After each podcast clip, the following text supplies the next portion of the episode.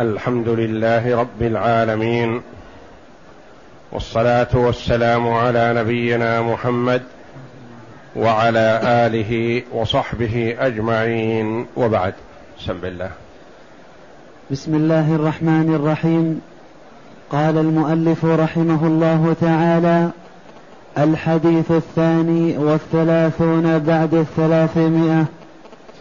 عن البراء بن عازب رضي الله عنهما قال خرج رسول الله صلى الله عليه وسلم يعني من مكة فتبعتهم ابنة حمزة تنادي يا عم فتناولها علي فأخذها بيدها وقال لفاطمة دونك ابنة عمك فاحتملتها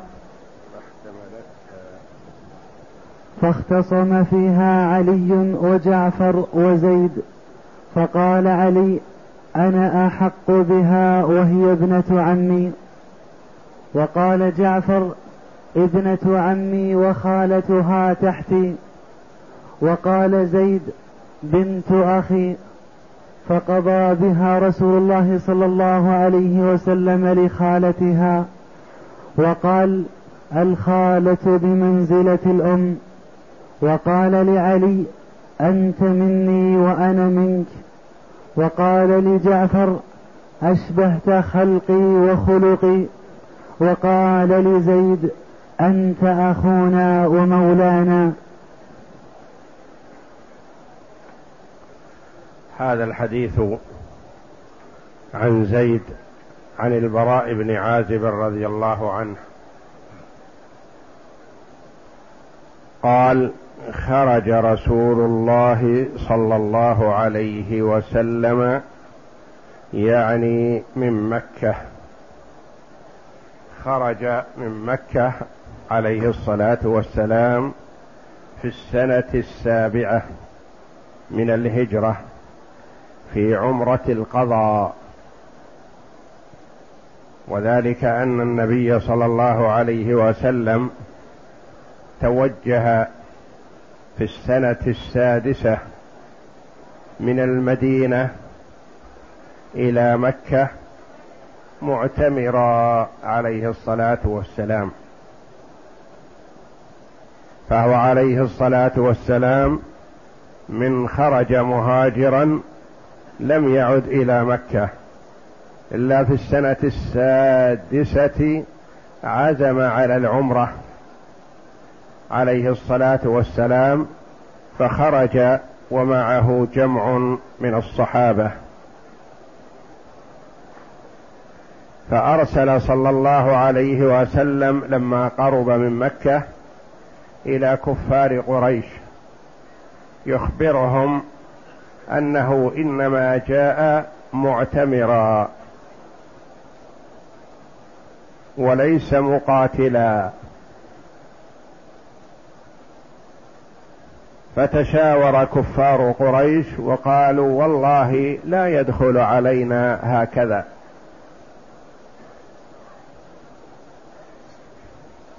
وعسكر صلى الله عليه وسلم في الحديبية على حدود الحرم عليه الصلاة والسلام وأرسل من أرسل السفراء لكفار قريش لعلهم يأذنوا له ولمن معه بالدخول إلى مكة وهو عليه الصلاة والسلام محرم. وقد ساق الهدي بين يديه عليه الصلاة والسلام. ولا يصد عن الحرم لا مسلم ولا كافر. ومن ساق الهدي فهو معظم للبيت. ويجب أن يكف عنه وأن يخلى بينه وبين ما أراد لأنه أراد الحرم للعمرة وقد ساق الهدي معظما للبيت صلوات الله وسلامه عليه. لكن نخوه الجاهلية عند كفار قريش أبوا عليه صلى الله عليه وسلم أن يدخل.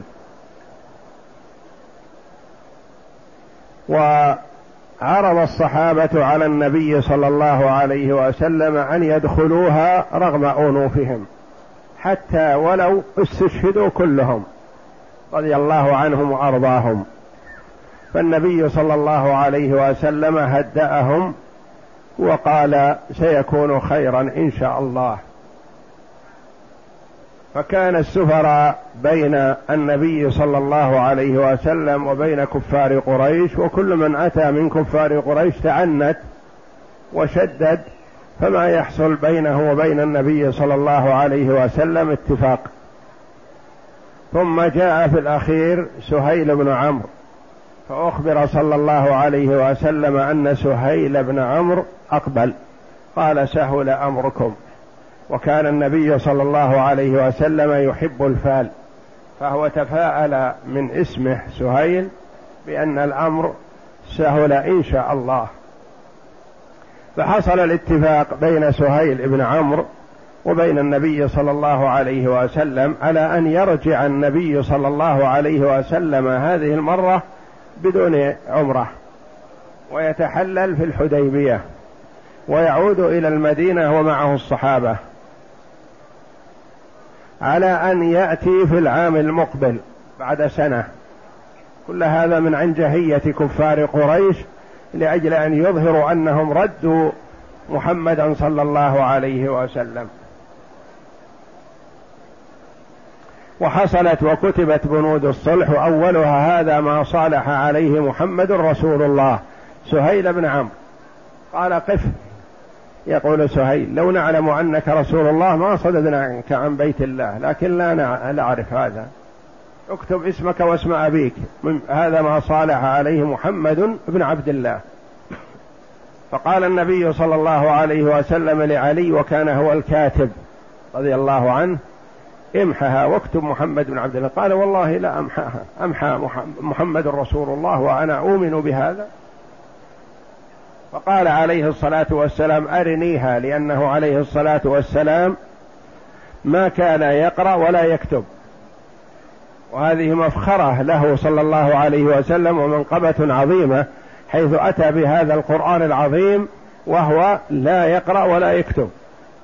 فالأمية صفة نقص في المخلوق في الآدمي إلا محمد صلى الله عليه وسلم فمدحه الله جل وعلا بالأمية مع الإتيان بهذا القرآن العظيم.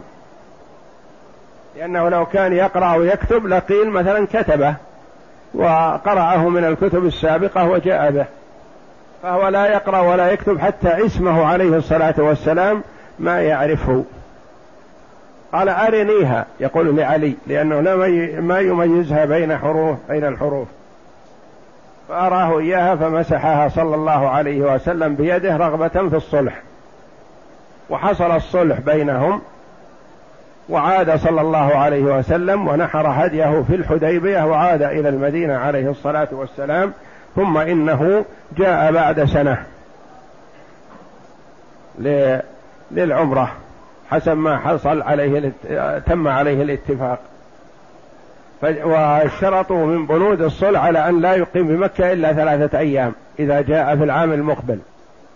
فلما تمت الثلاثة الأيام جاء بعض الكفار لعلي رضي الله عنه وقالوا مر صاحبك يخرج تمت المدة. فأذن صلى الله عليه وسلم بالرحيل وخرج من مكة في السنة السابعة من الهجرة. ويسر الله جل وعلا وتفضل على رسوله وعلى المؤمنين بفتح مكة في السنة الثامنة. بعد سنة في رمضان.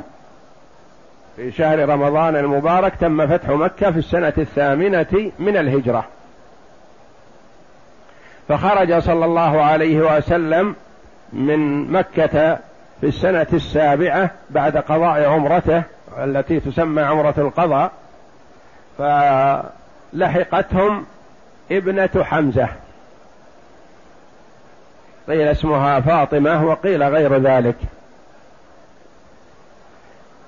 فهي تنادي يا عم يا عم تنادي الرسول صلى الله عليه وسلم تريد الخروج معه إلى المدينة لأن حمزة رضي الله عنه استشهد في غزوة أحد في موقعة أحد رضي الله عنه وسيد الشهداء عليه رضي الله عنه وأرضاه. وبقيت ابنته هذه مع أمها سلمى بنت عميس في مكة.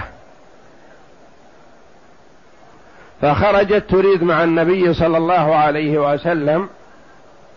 يقول يقول فتناولها علي فأخذها بيدها. تناول ابنة عمه لأنها تكون ابنة عمه لأن حمزة عم علي وعم النبي صلى الله عليه وسلم وهو أخ للنبي صلى الله عليه وسلم من الرضاعة. فتناولها علي رضي الله عنه ورفعها وسلمها لفاطمة. قال دونك يعني خذي ابنة عمك. لأن حمزة رضي الله عنه عم فاطمة وعم النبي صلى الله عليه وسلم. دونك يعني خذي. ابنة عمك فاحتملتها. احتملتها فاطمة رضي الله عنها التي هي زوج علي رضي الله عنه. فلما ساروا قيل في الطريق وقيل لما وصلوا إلى المدينة اختصم فيها ثلاثة رجال من خيار الناس. علي رضي الله عنه يقول هي ابنة عمي وأنا أخذتها وأنا حملتها. أنا الذي جئت بها من. من مكة. وجعفر أخو علي رضي الله عنه جعفر بن أبي طالب. المنادى بذي الجناحين. وكان رضي الله عنه استشهد رضي الله عنه في موقعة مؤتة على مشارف الشام. في السنة الثامنة من الهجرة في جماد الأولى. قبل فتح مكة بأشهر. فجعفر رضي الله عنه يقول هي ابنة عمي يعني قرابتك يا علي مثل قرابتي ولي ميزة أخرى وهي أن خالتها تحتي خالتها أسمى بنت عميس وهذه البنت بنت حمزة أمها سلمى بنت عميس. يقول خالتها تحتي فأنا أحق بها. ويقول زيد بن حارثة رضي الله عنه ليس من قريش كلها. يقول هي ابنة أخي لأن النبي صلى الله عليه وسلم آخى بين زيد بن حارثة وحمزة رضي الله عنهما لما هاجروا إلى المدينة. لما هاجر الصحابة من مكة إلى المدينة آخى النبي صلى الله عليه وسلم بين المهاجرين والأنصار وبين المهاجرين مع المهاجرين. فكان زيد أخ لحمزة. يقول أنا أحق بحضانة ابنة أخي لأن كان في صدر الإسلام هذه المؤاخاة أقرب وأخص من مؤاخاة النسب. يتوارثون بينهم و يجود بعضهم على بعض ويتفقد بعضهم أحوال بعض كأنهم أقرب من أخوة النسب. فيقول أنا أولى بها لأنها ابنة أخي أنتم عمكم وأنا أخوي أنا أقرب منكم. نظر النبي صلى الله عليه وسلم في هذه القضية وهذا هو الشاهد من إيراد المؤلف رحمه الله هذا الحديث في هذا الباب.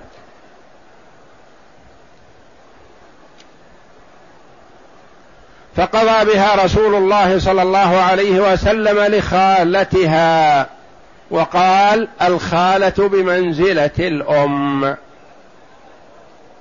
خالتها من هي؟ هي أسماء بنت عميس التي هي تحت جعفر بن أبي طالب رضي الله عنهما. فقضى بها النبي صلى الله عليه وسلم للخالة فهذا فيه فوائد عظيمة. اولا أن الناس قد يختصمون في شيء ما لا يكون لواحد منهم يكون لغيرهم. فاسماء بنت عميس رضي الله عنها في بيتها ومع جعفر بن أبي طالب وما تقدمت بطلب لأنها مشغولة بزوجها وبيته والعناية والقيام بزوجها فما تقدمت تطلب ابنة أختها. وإلا كانت تحرص عليها. لكن متوقعة ومعتقدة أن عصبتها أولى بها. فالنبي صلى الله عليه وسلم لما تقدم الثلاثة كلهم ما أعطاها لواحد منهم مع إدلاء كل واحد بحجة مقنعة. لكنه عليه الصلاة والسلام نظر إلى حال البنت. فالبنت فرق إذا سلمت لرجل أو سلمت لامرأة. فتسليمها للمرأة أولى. هذه الناحية الثانية أن المرأة تتصل بأمها فهي أخت أمها والخالة بمنزلة الأم. وكما قال النبي صلى الله عليه وسلم لما تكلموا في العباس قال أما علمت أن عم الرجل إخو أبيه نص وأبيه؟ يقول يعني عم الرجل مثل أبوه. فما أرضى أن تتكلموا في العباس رضي الله عنه. عم الرجل صن أبيه يعني مثل أبيه. والخالة بمنزلة الأم. فالنبي صلى الله عليه وسلم نظر إلى مصلحة الطفلة الصغيرة. تكون عند رجل مثلا من عصبتها يسلمها لامرأة أجنبية عنها. فإذا سلمت عند رجل لرجل من عصبتها لامرأته اعتنت بها المرأة أكثر وتولتها وهي بمنزلة أمها فقضى بها النبي صلى الله عليه وسلم للخالة مع ما أدلى به كل واحد من حجته. ثم إن النبي صلى الله عليه وسلم من شفقته ورحمته ولطفه بالأمة عليه الصلاة والسلام أحب أن يطيب كل خاطر كل إنسان يطيب خاطره. فهو عليه الصلاة والسلام ليس بفظ ولا غليظ ولا سخاب في الأسواق وإنما هو سمح عليه الصلاة والسلام. قد تأتي الجارية فتأخذ بيده فتذهب به حيث شاءت ويذهب معها عليه الصلاة والسلام من سماحته. ومن طيب خلقه عليه الصلاة والسلام ما يحب أن يؤثر على أحد. ثم رجع إلى الثلاثة المتخاصمين فقال لعلي رضي الله عنه أنت مني وأنا منك. أنت مني وأنا منك. يعني أنت جزء مني وأنا شيء وأنا وأنت شيء واحد لأنك أنت عندك فاطمة وفاطمة بضعة مني فأنا وأنت شيء واحد. وهذا تكريم لعلي رضي الله عنه. وقال لجعفر أشبهت خلقي وخلقي. مدح جعفر رضي الله عنه بهذه المدحة العظيمة. قال أشبهت خلقي. خلقي الصفات الظاهرة الوجه واليدين والجسم. فجسم جعفر رضي الله عنه شبيه بجسم النبي صلى الله عليه وسلم. والذين يشبهون النبي صلى الله عليه وسلم في الجسم يعدون على الأصابع من أهل بيته يشبهونه عليه الصلاة والسلام. فجعفر رضي الله عنه ممن يشبه النبي صلى الله عليه وسلم في خلقه.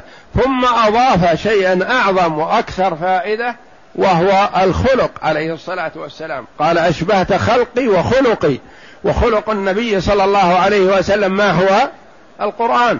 خلقه القرآن عليه الصلاة والسلام. وكان متصفا بأعلى وأكمل صفة من صفات الخلق التي يمكن أن يتصف بها بشر. عليه الصلاة والسلام. لأنه أفضل البشر. عليه الصلاة والسلام. فقال أشبهت خلقي وهذا شيء ظاهر واضح. وخلقي هذه مدحة لجعفر رضي الله عنه. وقد كان كما قال عليه الصلاة والسلام كان يلقب بأبي المساكين. ويقول أبو هريرة ما وطئ التراب ولا لبس الحذاء.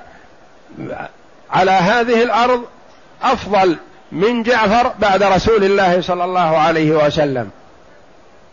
وكان رضي الله عنه يألف المساكين ويقضي حوائجهم ويقضون حوائجه ويختلط بهم عليه الصلاة والسلام. وهو من أرفع الناس نسبا عليه الصلاة والسلام رضي الله عنه لأنه كريم الخلق ومحبة المساكين تدل على كرم خلق المرء لأن من عنده أنفة أو كبر أو غطرسة ما يألف الفقراء ولا يجالسهم.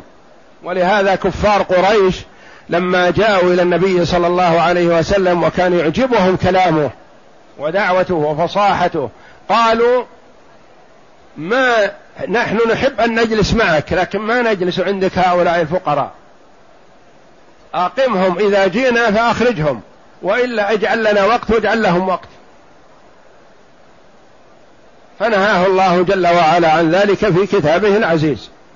فجعفر رضي الله عنه كما وصفه النبي صلى الله عليه وسلم بالسماحة والخلق والكرم وإلفه للفقراء والمساكين وإلفهم إياه وتقربهم منه رضي الله عنه وأرضاه.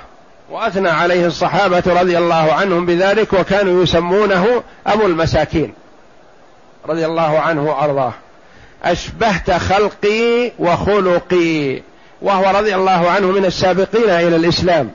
فكان رضي الله عنه سبقه إلى الإسلام خمسة وعشرون وقيل واحد وثلاثون. الذين سبقوا جعفر ثم أسلم رضي الله عنه. وكان أكبر من علي رضي الله عنهما بعشر سنين.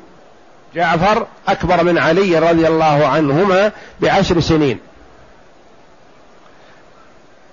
وزوجه هي أسمى بنت عميس.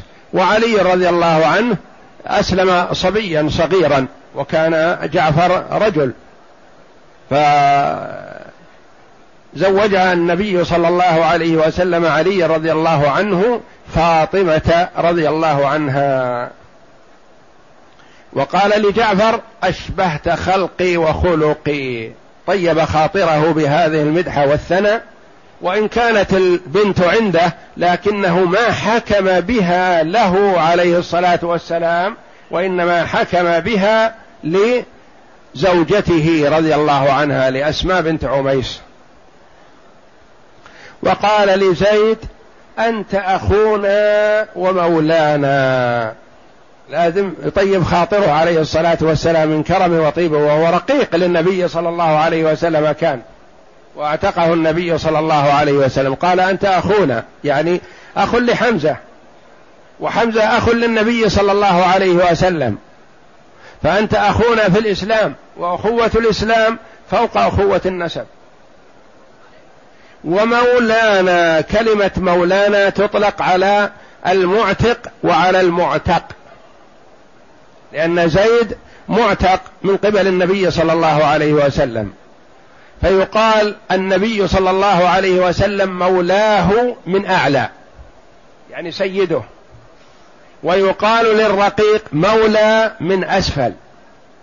يعني عتيق لهذا الرجل. فيقال زيد مولى محمد صلى الله عليه وسلم ومحمد صلى الله عليه وسلم مولى زيد. ولهذا قال أنت أخونا في في الإسلام ومولانا ومولى الرجل منهم مولى القوم منهم. يعني أنت واحد منا.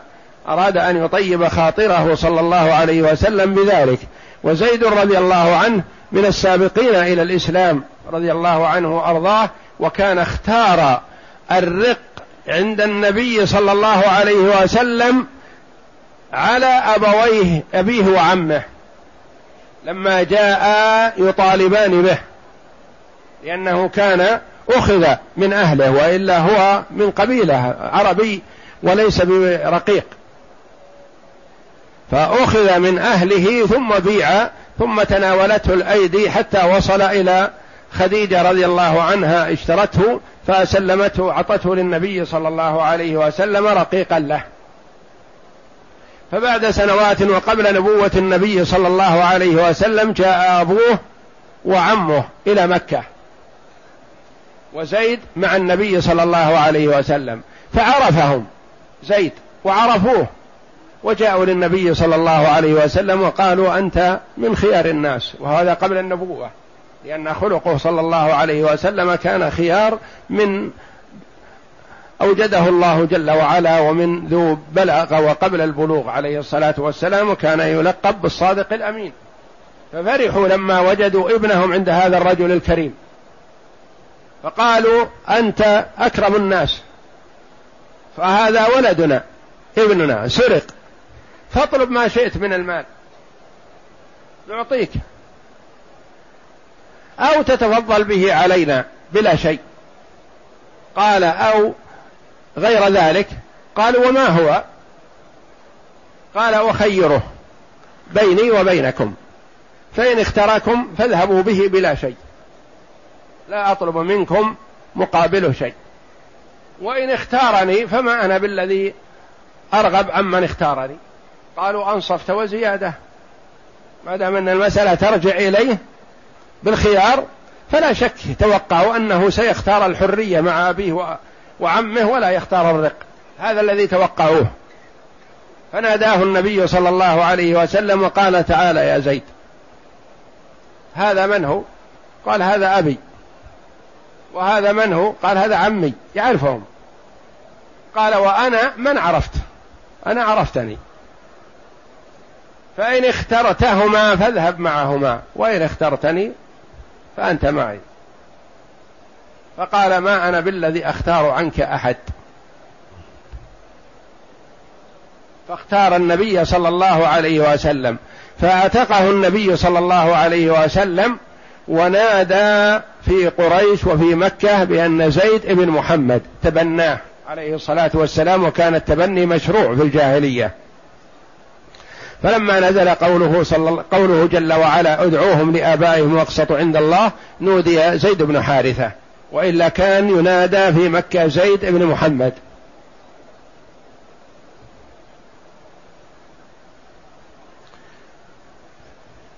فهذا زيد بن حارثة رضي الله عنه.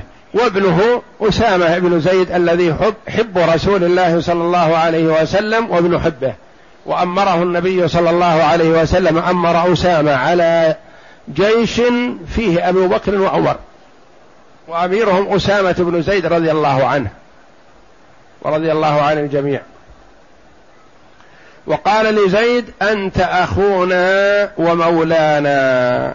فأخذ من هذا العلماء رحمهم الله أن الحضانة تكون للخالة إذا لم يكن هناك من هو أقرب منها لأن الخالة بمنزلة الأم فالأم مقدمة عليها ثم الخالة.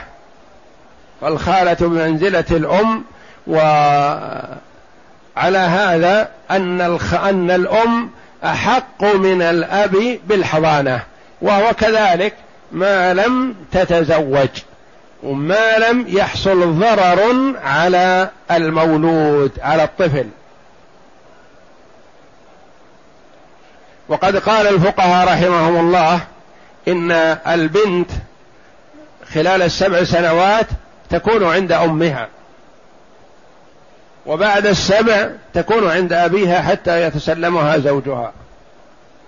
والغلام الولد يكون خلال السبع سنوات عند أمه وبعد السبع سنوات يخير ولا يقر بيد من لا يصونه ويصلحه. ويقول شيخ الإسلام ابن تيمية رحمه الله قد تكون الأم حق بالحضانة لكن ينظر إلى مصلحة الطفل. إن كانت الأم تصونه وتصلحه وتعلمه وتربيه فلها الأحقية. وإن لم تكن كذلك فلا يقر الولد عندها لأن الولد بعد السبع سنوات قد يختار من يستجيب لطلباته ولا يشد عليه فقد يختار الأب لأنه يعطيه ما يريد ويهمله والأم تريد تعلمه مثلا وقد يكون العكس يختار الأم لأنها تهمله وتضيعه وتعطيه ما يريد ولا يريد أباه لأنه يشد عليه ويوجهه ويعلمه ويأخذ على يده. ففي هذه الحال لا يقر بيد من لا يصونه ويصلحه. والحديث هنا في باب الحضانة من الأحق بالحضانة. والنبي صلى الله عليه وسلم جاءته امرأة تطالب بحضانة ابنها فقالت يا رسول الله إن ابني هذا كان بطني له وعاء. يعني هو محمول في بطني كان أول. وثدي له سقى يعني ما يتغذى وما ينمو جسمه إلا من ثدي يعني من جسمي. وحجري له حوى يعني فراشه حجري. وإن أباه طلقني وأراد أن ينتزعه مني. فهي أدلت بحجتها وبينت المبررات التي تجعلها أحق بهذا الولد. فقال لها رسول الله صلى الله عليه وسلم أنت أحق به ما لم تنكحي يعني إذا كنت إذا تزوجت فأنت حينئذ تكوني مشغولة في العناية بالزوج والقيام ببيته وشؤونه فلا يكون لك حق في حضانة الإبن أو البنت.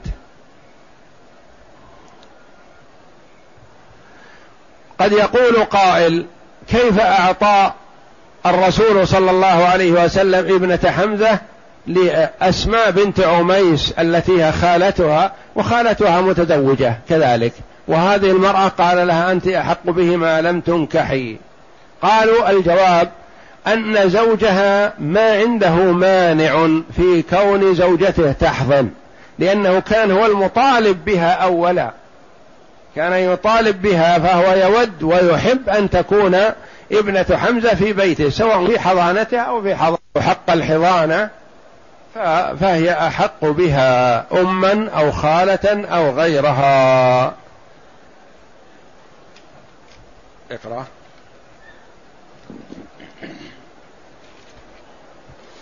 الغريب دونك بكسر الكاف خطاب لأنثى وهو اسم فعل منقول من الظرف. يعني دونك خطاب للمرأة اسم فعل وللرجل دونك يعني بمعنى خذ.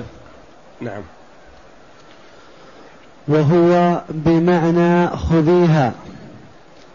وقال زيد بنت أخي البنت لحمزة بن عبد المطلب وزيد من قبيلة كلب فمراده زيد بن حارثة من قبيلة كلب ليس من قريش كلها. نعم. فمراده إذن الأخوة الإسلامية التي آخاها النبي صلى الله عليه وسلم بين المهاجرين حين هاجروا إلى المدينة. حتى يتفقد بعضهم أحوال بعض وينتبه بعضهم لبعض. وجعفر رضي الله عنه جعله النبي صلى الله عليه وسلم مؤاخاته مع معاذ بن جبل رضي الله عنه. نعم. خلقي بفتح الخاء وإسكان اللام والمراد به الصفات الظاهرة. الخلق الصفات الظاهرة والخلق الصفات الباطنة. نعم. وخلقي بضم الخاء واللام المراد به الصفات الباطنة. من الكرم والشجاعة والجود وال... وغير ذلك من الصفات الحميدة. نعم. ومولانا أي عتيقنا؟ لأن النبي صلى الله عليه وسلم أعتق زيد. لما اختاره على أبويه أعتقه وكان رقيقا له. نعم. فالمولى يطلق على السيد فيكون مولى من أعلى ويطلق على العتيق فيكون مولى من أسفل. المعنى الإجمالي لما فرغ النبي صلى الله عليه وسلم من عمرة القضاء في السنة السابعة وخرجوا من مكة تبعتهم ابنة حمزة بن عبد المطلب تنادي يا عم يا عم. تنادي النبي صلى الله عليه وسلم وهو ابن عمها في النسب لكنه عمها من الرضاعة فهي ابنة أخيه من الرضاعة. ومن باب الإجلال والتقدير للرجل أن يقول الصغير مثلا يا عم وإن كان أخوه أو ابن عمه ونحو ذلك. نعم. فتناولها ابن عمها علي بن أبي طالب رضي الله عنه فأخذها بيدها وقال لزوجته فاطمة خذ ابنة عمك فاحتملتها فاختصم في الحقيقة بحضانتها ثلاثة علي وأخوه جعفر وزيد بن حارثة الكلبي مولى رسول الله صلى الله عليه وسلم. لأن حضانة ابنة حمزة رضي الله عنه منقبة عظيمة ومفخرة عظيمة وكرم وإحسان إلى سيد الشهداء رضي الله عنه بحفظ ابنته من بعده. ولهذا اختصم فيها علي وجعفر وهما أخوان وشقيقان. والتنافس في الفضائل الأخروية مطلوب. والتنافس والتسابق. حتى من الأب وابنه ومن الأخ وأخيه وكل يحاول أن يكون هو السابق في الفضل. بخلاف التنافس في الأمور الدنيوية فهو غير محمود. فلهذا تنافس فيها علي وجعفر وهما شقيقان من أب وأم. علي وجعفر رضي الله عنهما. أولاد أبي طالب عم النبي صلى الله عليه وسلم الذي لم يسلم من عميه لأن النبي صلى الله عليه وسلم اعمامه كثير. لكن الذين أدركوا الإسلام أربعة. أدركوا الإسلام من أعمام النبي صلى الله عليه وسلم أربعة. حمزة والعباس اسلما رضي الله عنهما. وأبو لهب وأبو طالب ماتا على الكفر. نعم. وكل منهم أدلى بحجة لاستحقاق الحضانة. فقال علي هي ابنة عمي فأنا أحق بها. وفي بعض الأقوال الروايات أن يقول أنا أخذتها أو أنا أحضرتها. من مكة. نعم. وقال جعفر هي ابنة عمي وخالتها زوجتي. هذا من المبررات. يقول أي أنا وأنت يا علي سواء في القرابة والنسب. لكن أنا أمتاز عليك بأن خالتها أسمى بنت أميس زوجتي. فأنا أدلي بالجهتين. أنا ابنة عمي وزوجتي خالتها. أخت أمها. نعم. وقال زيد هي ابنة أخي الذي عقد بيني وبينه رسول الله صلى الله عليه وسلم مؤاخاة وكأنه يقول أنا أقرب منكما وإن كنتما قريبين في النسب لكن أنا مؤاخاة الرسول صلى الله عليه وسلم أعلى من مؤاخاة النسب. فأنا أحق بها منكما لأنها بنت أخي وأنا أرثها ويرثني لأنه كان فيه التوارث بين المواخاة في صدر الإسلام. حتى نزل قوله تعالى وأولو الأرحام أولى ببعض وأولو الأرحام أولى وأولو الأرحام وأولو الأرحام بعضهم أولى ببعض في كتاب الله. نعم. وقال زيد هي بنت أخي الذي عقد بيني وبينه رسول الله صلى الله عليه وسلم مؤاخاة يثبت بها التوارث والتناصر فأنا أحق بها. فحكم النبي صلى الله عليه وسلم بما أرضى قلوبهم وطيب خواطرهم. فقضى بالبنت للخالة لأنها بمنزلة الأم في الحنو والشفقة وكانت عند جعفر. يعني الخالة عند جعفر أسمى بنت أميس. ولا شك أن حنو المرأة وعطفها على الطفلة أو الطفل أكثر من حنو الرجل. ولهذا يختار المرأة فالمرأة في الحضانة أولى من الرجل.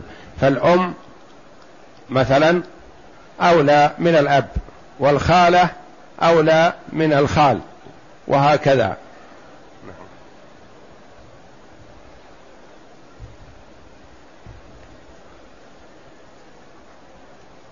نعم. فقضى بالبنت للخالة لأنها بمنزلة الأم في الحنو والشفقة وكانت عند جعفر وقال لعلي أنت مني وأنا منك وكفى بهذا فخرا وفضلا. يعني لو فاتك حضانة بنت حمزة فأنت مني وأنا منك. نعم. وقال لجعفر أشبهت خلقي وخلقي فأنت مثلي بالأخلاق الظاهرة والصورة ومثلي في الأخلاق الحميدة الباطنة. من الحلم والكرم واللطف وغيرها وكفى بهذه بشارة وسرورا. فقد طيب خاطره لأن الحكم بالحضانة له من أجل زوجه وهي خالة المحضونة لا من أجله لا من أجله هو. وقال لزيد أنت أخونا في الإسلام. ومولانا ومولى القوم منهم فكل منهم رضي واغتبط بهذا الفضل العظيم. ما يستفاد من الحديث اولا ثبوت الحضانة لحق الصغير والمعتوه لحفظه وصيانته وهذه من محاسن الإسلام رعاية الصغير وحفظه والعناية به يكون له حاض يتولى أمره. إذا فقد أبويه أو تفرق أبواه مثلا في حال الحياة فيتولاه من يحضنه ويتولى أمره. ولا يترك للضياع. نعم. ثبوت الحضانة لحق الصغير. هذا بالمعتوه يعني الكبير ضعيف العقل. الصغير إلى حد البلوغ. يعني يكون سبع سنوات آه، لا خيار له. وبعد السبع سنوات البنت عند أبيها إذا كان يصلحها ويقوم عليها والولد يخير بين أبويه. ثم بعد البلوغ وبعد الرشد يكون يختار لنفسه. ثبوت الحضانة لحق الصغير والمعتوه لحفظه وصيانته والقيام بشؤونه وهو من رحمة الله تعالى بخلقه. ثانيا أن العصبة من الرجال لهم أصل في الحضانة. يعني لهم حضانة حتى وإن كانت البنت تحتجب عنهم لأنه يسلمها لزوجته. فالأصل أن البنت تحتجب مثلا عن عمه عن ابن عمها. وابن ابن عمها ونحو ذلك. لكن له أصل في الحضانة له حق في الحضانة وإن احتجبت عنه البنت. لأن النبي صلى الله عليه وسلم ما قال لهم ليس لكم حق في حضانتها. وإنما سمع منهم عليه الصلاة والسلام ما يقولونه. فابن العم مثلا له حق في حضانة الصغير والمعتوه حتى وإن كان أنثى. أن العصبة من الرجال لهم أصل في الحضانة ما لم يوجد من هو أحق منهم حيث أقر صلى الله عليه وسلم كلا من علي وجعفر في ادعائه حضانة ابنة عمه ولم ينكر عليهما. ثالثا أن الأم مقدمة في الحضانة على كل أحد نفهم هذا لأن النبي صلى الله عليه وسلم أعطى الخالة لما؟ قال لأنها بمنزلة الأم. ففهمنا أن الأم أقدم من الخالة ومن غيرها ومن كل أحد في الحضانة. أن الأم مقدمة في الحضانة على كل أحد فإنه لم يعطها الخالة في هذه القصة إلا, أن إلا لأنها بمنزلة الأم. لكمال شفقتها وبرها. رابعا أن الخالة تلي الأم في الحضانة فهي بمنزلته فهي بمنزلتها في الحنو والشفقة. خامسا أن الأصل في الحضانة هو طلب تحقق الشفقة والرحمة لهذا العاجز القاصر. وهذا من رحمة الله تعالى ورأفته بالعاجزين والمنقطعين إذ هيأ لهم القلوب الرحيمة. سادسا أن المرأة المزوجة لا تسقط حضانتها إذا رضي زوجها بقيامها بالحضانة. يعني يسقط حقها بالحضانة إذا كانت مزوجة من أجنبي ولم يرغب أن أن تحضن زوجته طفلا لغيرها فهي مشغولة بالعناية بزوجها فلا تتولى غيره إلا بإذنه وموافقته. فإذا رغب في هذا ووافق فلا يسقط حقها في الحضانة حينئذ كما لم يسقط حق أسماء بنت عميس في حضانة ابنة حمزة رضي الله عنه مع أنها متزوجة من جعفر ابن أبي طالب رضي الله عنه. لأنها لم تسقط عنها إلا لأجل التفرغ لحقوق الزوج والقيام ببيته وشؤونه. فإذا رضي بقيامها بالحضانة فهي باقية على حقها منها. وبهذا يحصل التوفيق بين قضاء النبي صلى الله عليه وسلم بالحضانة لجعفر وبين قوله صلى الله عليه وسلم للمرأة المطلقة حين نازعها مطلقها في, ابنه في ابنهما أنت أحق به أنت أحق به ما لم تنكحي رواه أحمد وأبو داود. سابعا حسن خلق النبي صلى الله عليه وسلم ولطفه إذ حكم لواحد من الثلاثة وأرضاهم جميعا بما طيب أنفسهم وأرضى ضمائرهم فراحوا مسرورين مغتبطين فصلوات الله وسلامه عليه وعلى آله وصحبه أجمعين. وهكذا ينبغي لمن تولى حكما ما سواء كان قاضيا أو محكما بين طرفين أن يقنع المحكوم عليه. يقول خلصك الله من شيء ليس لك خلصك الله من شيء لو دخل عليك لضرك. وهكذا يحاول إقناعه من أجل أن ينصرف راضيا بخلاف ما لو أخذه منه بالقوة ولم يتحدث معه بشيء على سبيل الإقناع يكون في نفسه شيء ويستمر ما في نفسه. فإذا طيب خاطره فالمؤمن يطيب خاطره ويقنع بالإقناع.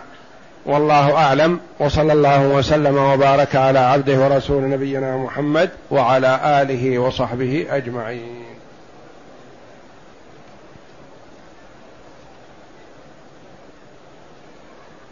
ومثل هذا قوله صلى الله عليه وسلم لما جاءه الخصمان قال إنما أنا بشر ولعل بعضكم يكون ألحن بحجته من بعض فمن قضيت له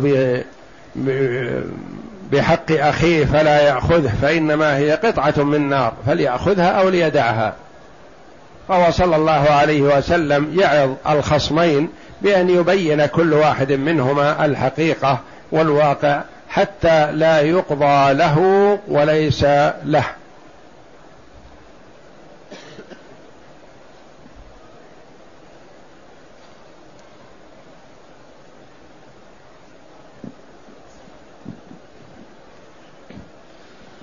يقول السائل هل يجوز إخراج زكاة الفطر نقودا؟ لا يجوز. إخراج صدقة الفطر نقود. على رأي جمهور العلماء رحمهم الله. لأن النبي صلى الله عليه وسلم بين صدقة الفطر من الأصناف الخمسة. القوت من البر والشعير والتمر والزبيب والعقد مع وجود الدراهم ووجود الدنانير. ما قال عشرة دراهم ولا ثلاثة دراهم ولا نصف دينار ولا ربع دينار وإنما هي من الأصناف الخمسة. فأهل الحبوب من ما ينتجونه وأهل النخيل والعنب مما ينتجونه وأهل البادية مما بين أيديهم الذي هو العقد. فيكون من قوت البلد لسد حاجة الفقير ذلك اليوم. لأنه إذا أعطي الفقير عشرة دراهم مثلا يحفظها مع ما قبلها ويبقى على حاله. وإذا أعطي طعام تمر أو زبيب أو بر أو شعير استفاد منه وأكله في يوم العيد فيكون مشاركا للآخرين في الشبع والغنى بما بين يديه. أجاز بعض العلماء رحمة الله عليهم إخراجها نقود لكنه خلاف سنة رسول الله صلى الله عليه وسلم. وإلا ففي المسألة خلاف. بعض العلماء يرى أنه يخرج نقود. قال لأن النقود يستفيد منها الفقير فيما يريد لأنه قد لا يكون مريدا للطعام يريد شيء آخر فيكون بين يديه نقود. وهذا استحسان حسن لكنه لا ينبغي أن يورد مع سنة رسول الله صلى الله عليه وسلم.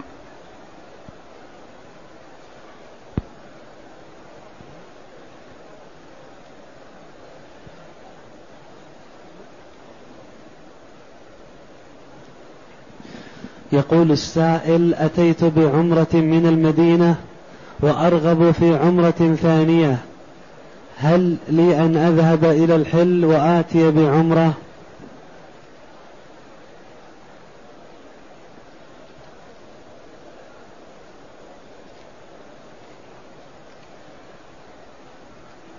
ما دمت والحمد لله أتيت بعمرة من المدينة وأديتها فالحمد لله على ذلك. ولا ينبغي أن تخرج من أجل أن تأتي بعمرة أخرى.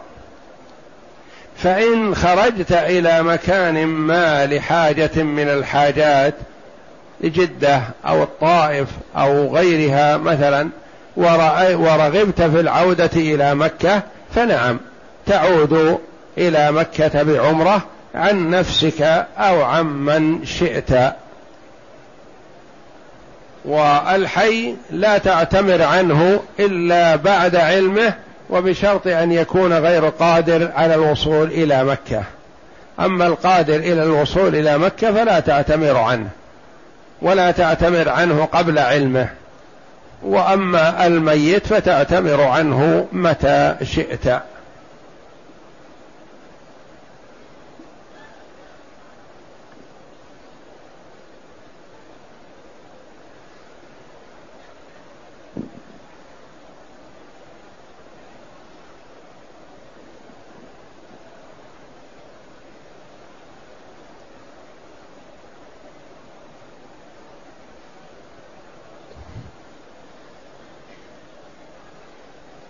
يقول السائل عندنا في بلادنا أناس يذبحون للأضرحة ويأتون بالمواسم بمواسم إذا جعل إذ جعلوا لها مواقيت سنوية وعندما ننصحهم ونقول لهم هذه بدعة يقولون جئتمونا بدين جديد. الذبح لا يخلو الذبح على اسم الله جل وعلا عبادة. فإن ذبحها قربة لله كالهدي والأضحية فهذه أعلى. وإذا ذبحها على اسم الله ليأكل لحمها فهذا جائز ومباح. وذكر اسم الله جل وعلا على الذبيحة عبادة لله. وتوحيد لله والذبح على اسم الله في مواطن يذبح فيه المبتدعة والخرافيون لغير الله لا يجوز حتى ولو كان على اسم الله لأن هذا مشابه لهم.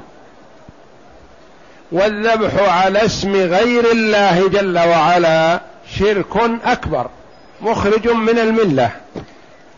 فيحرم على المسلم أن يذبح لغير الله فإن ذبح فقد كفر. لأن الله جل وعلا يقول قل إن صلاتي ونسكي ومحياي ومماتي لله رب العالمين. قل إن صلاتي ونسكي نسكي ذبحي. قرن الله جل وعلا الذبح مع الصلاة فالصلاة لله والذبح لله. والذبح على اسم غير الله شرك أكبر مخرج من الملة. فليحذر المرء أن يقع في الشرك من حيث لا يشعر. فيكون المرء في عبادته وفي أعماله وتصرفاته كلها على وفق سنة رسول الله صلى الله عليه وسلم. من ذبح لغير الله فقد كفر أو أشرك. وجاء رجل إلى النبي صلى الله عليه وسلم يستأذنه في أن ينحر إبلا ببوانة لأنه نذر ذلك. فقال له النبي صلى الله عليه وسلم هل فيها وثن من أوثان الجاهلية يعبد؟ أو فيها عيد من أعياد الجاهلية؟ قالوا لا. قال أوف بنذرك. فإذا نذر الرجل مثلا أن يذبح شاة أو بدنة أو بقرة ليطعم الفقراء والمساكين نقول نعم حسن أوف بنذرك. إذا ذبح نذر أن يذبح في مكان يذبح فيه المشركون لغير الله يقال له لا قف. لا تشابه المشركين. ولهذا النبي صلى الله عليه وسلم لما استأذنه الرجل المسلم الذي يريد أن يذبح لله ابلا ببوانة. قال النبي صلى الله عليه وسلم هل فيها عيد من أعياد الجاهلية؟ أو فيها وثن من أوثان الجاهلية يعبد؟ قالوا لا. قال أوفي بنذرك. فدل على أنه لو كان فيها عيد من أعياد الجاهلية أو وثن من أوثانهم فلا يصح الوفاء بالنذر حينئذ.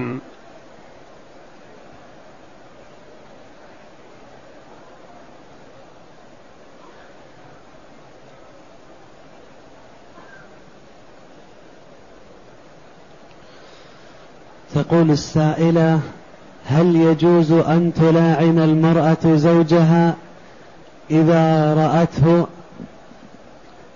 لا المرأة ما تلاعن زوجها وإنما الزوج هو الذي يلاعن المرأة والمرأة ترد عليه بالمثل. يعني يحصل التلاعن بين الزوجين إذا اتهم أو رمى الزوج زوجته بالزنا.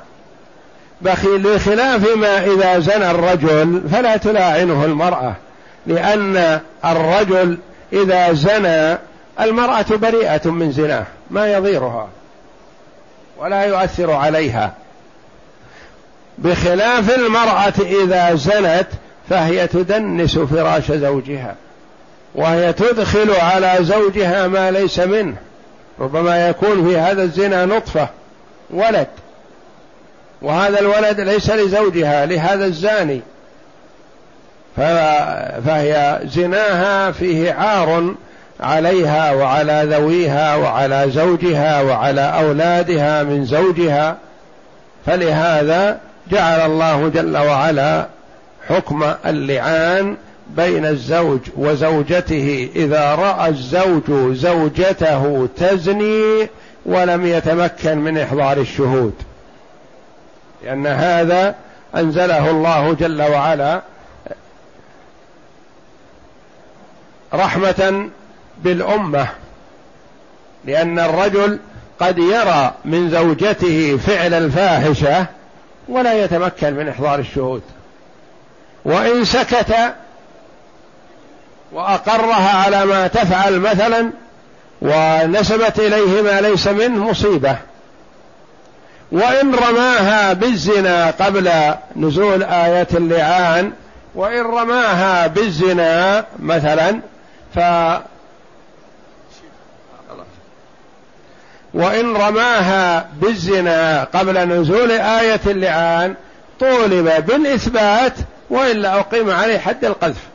وهو ما يستطيع أن يثبت أنه رأى زوجته تزني. إذا رآها تزني مثلا يروح يحضر الشهود ما يستطيع. فأنزل الله جل وعلا رحمة بهذه الأمة آيات اللعان. ولا يجوز للزوج بل يحرم عليه أن يتهم زوجته بذلك إلا إذا رأى رأي عين. رأى شيئا صريحا واضحا.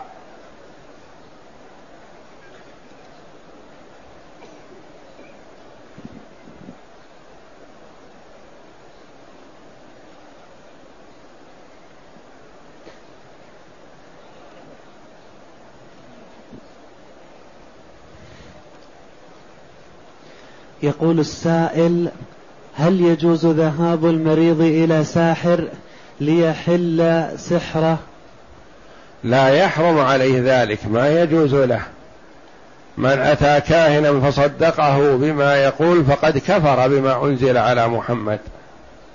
من أتى كاهنا فسأله عن شيء ما لم تقبل له صلاة أربعين يوما فيحرم عليه ذلك وإنما عليه أن يعالج نفسه بالرقية القراءة أو بالأدوية المباحة كبعض الحبوب أو الأعشاب أو نحو ذلك من الأشياء التي جرب أنها تنفع في مثل هذا الأثر. وأما أن يذهب إلى ساحر أو كاهن أو عراف فهذا حرام ولا يجوز ولا يحصل به شفاء. ما يحصل به الشفاء.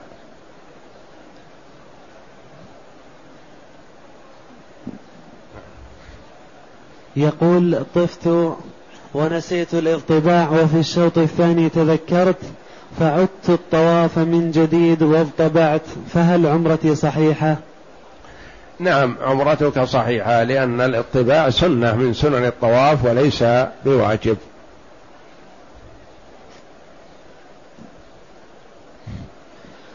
يقول السائل اعتمرت طفت بالبيت وسعيت شوطين ثم أقيمت صلاة التهجد وقطعت السعي وصليت وبعد الصلاة أكملت الخمسة الأشواط الباقية فهل عملي صحيح؟ عملك صحيح لأنها إذا أقيمت الصلاة وأنت تطوف أو أقيمت الصلاة وأنت تسعى فعليك أن تدخل مع الإمام وتؤدي الصلاة فإذا انتهت الصلاة تكمل ما بقي عليك وخروجا من الخلاف الشوط الذي لم تتمه لا تحتسبه. فإذا كنت طفت ثلاثة أشواط ونصف مثلا ثم دخلت مع الإمام فالنصف هذا ما تحتسبه وإنما تبدأ الرابع أو الثالث. يعني إذا كنت أكملت ثلاثة تبدأ الرابع من الحجر الأسود وهكذا.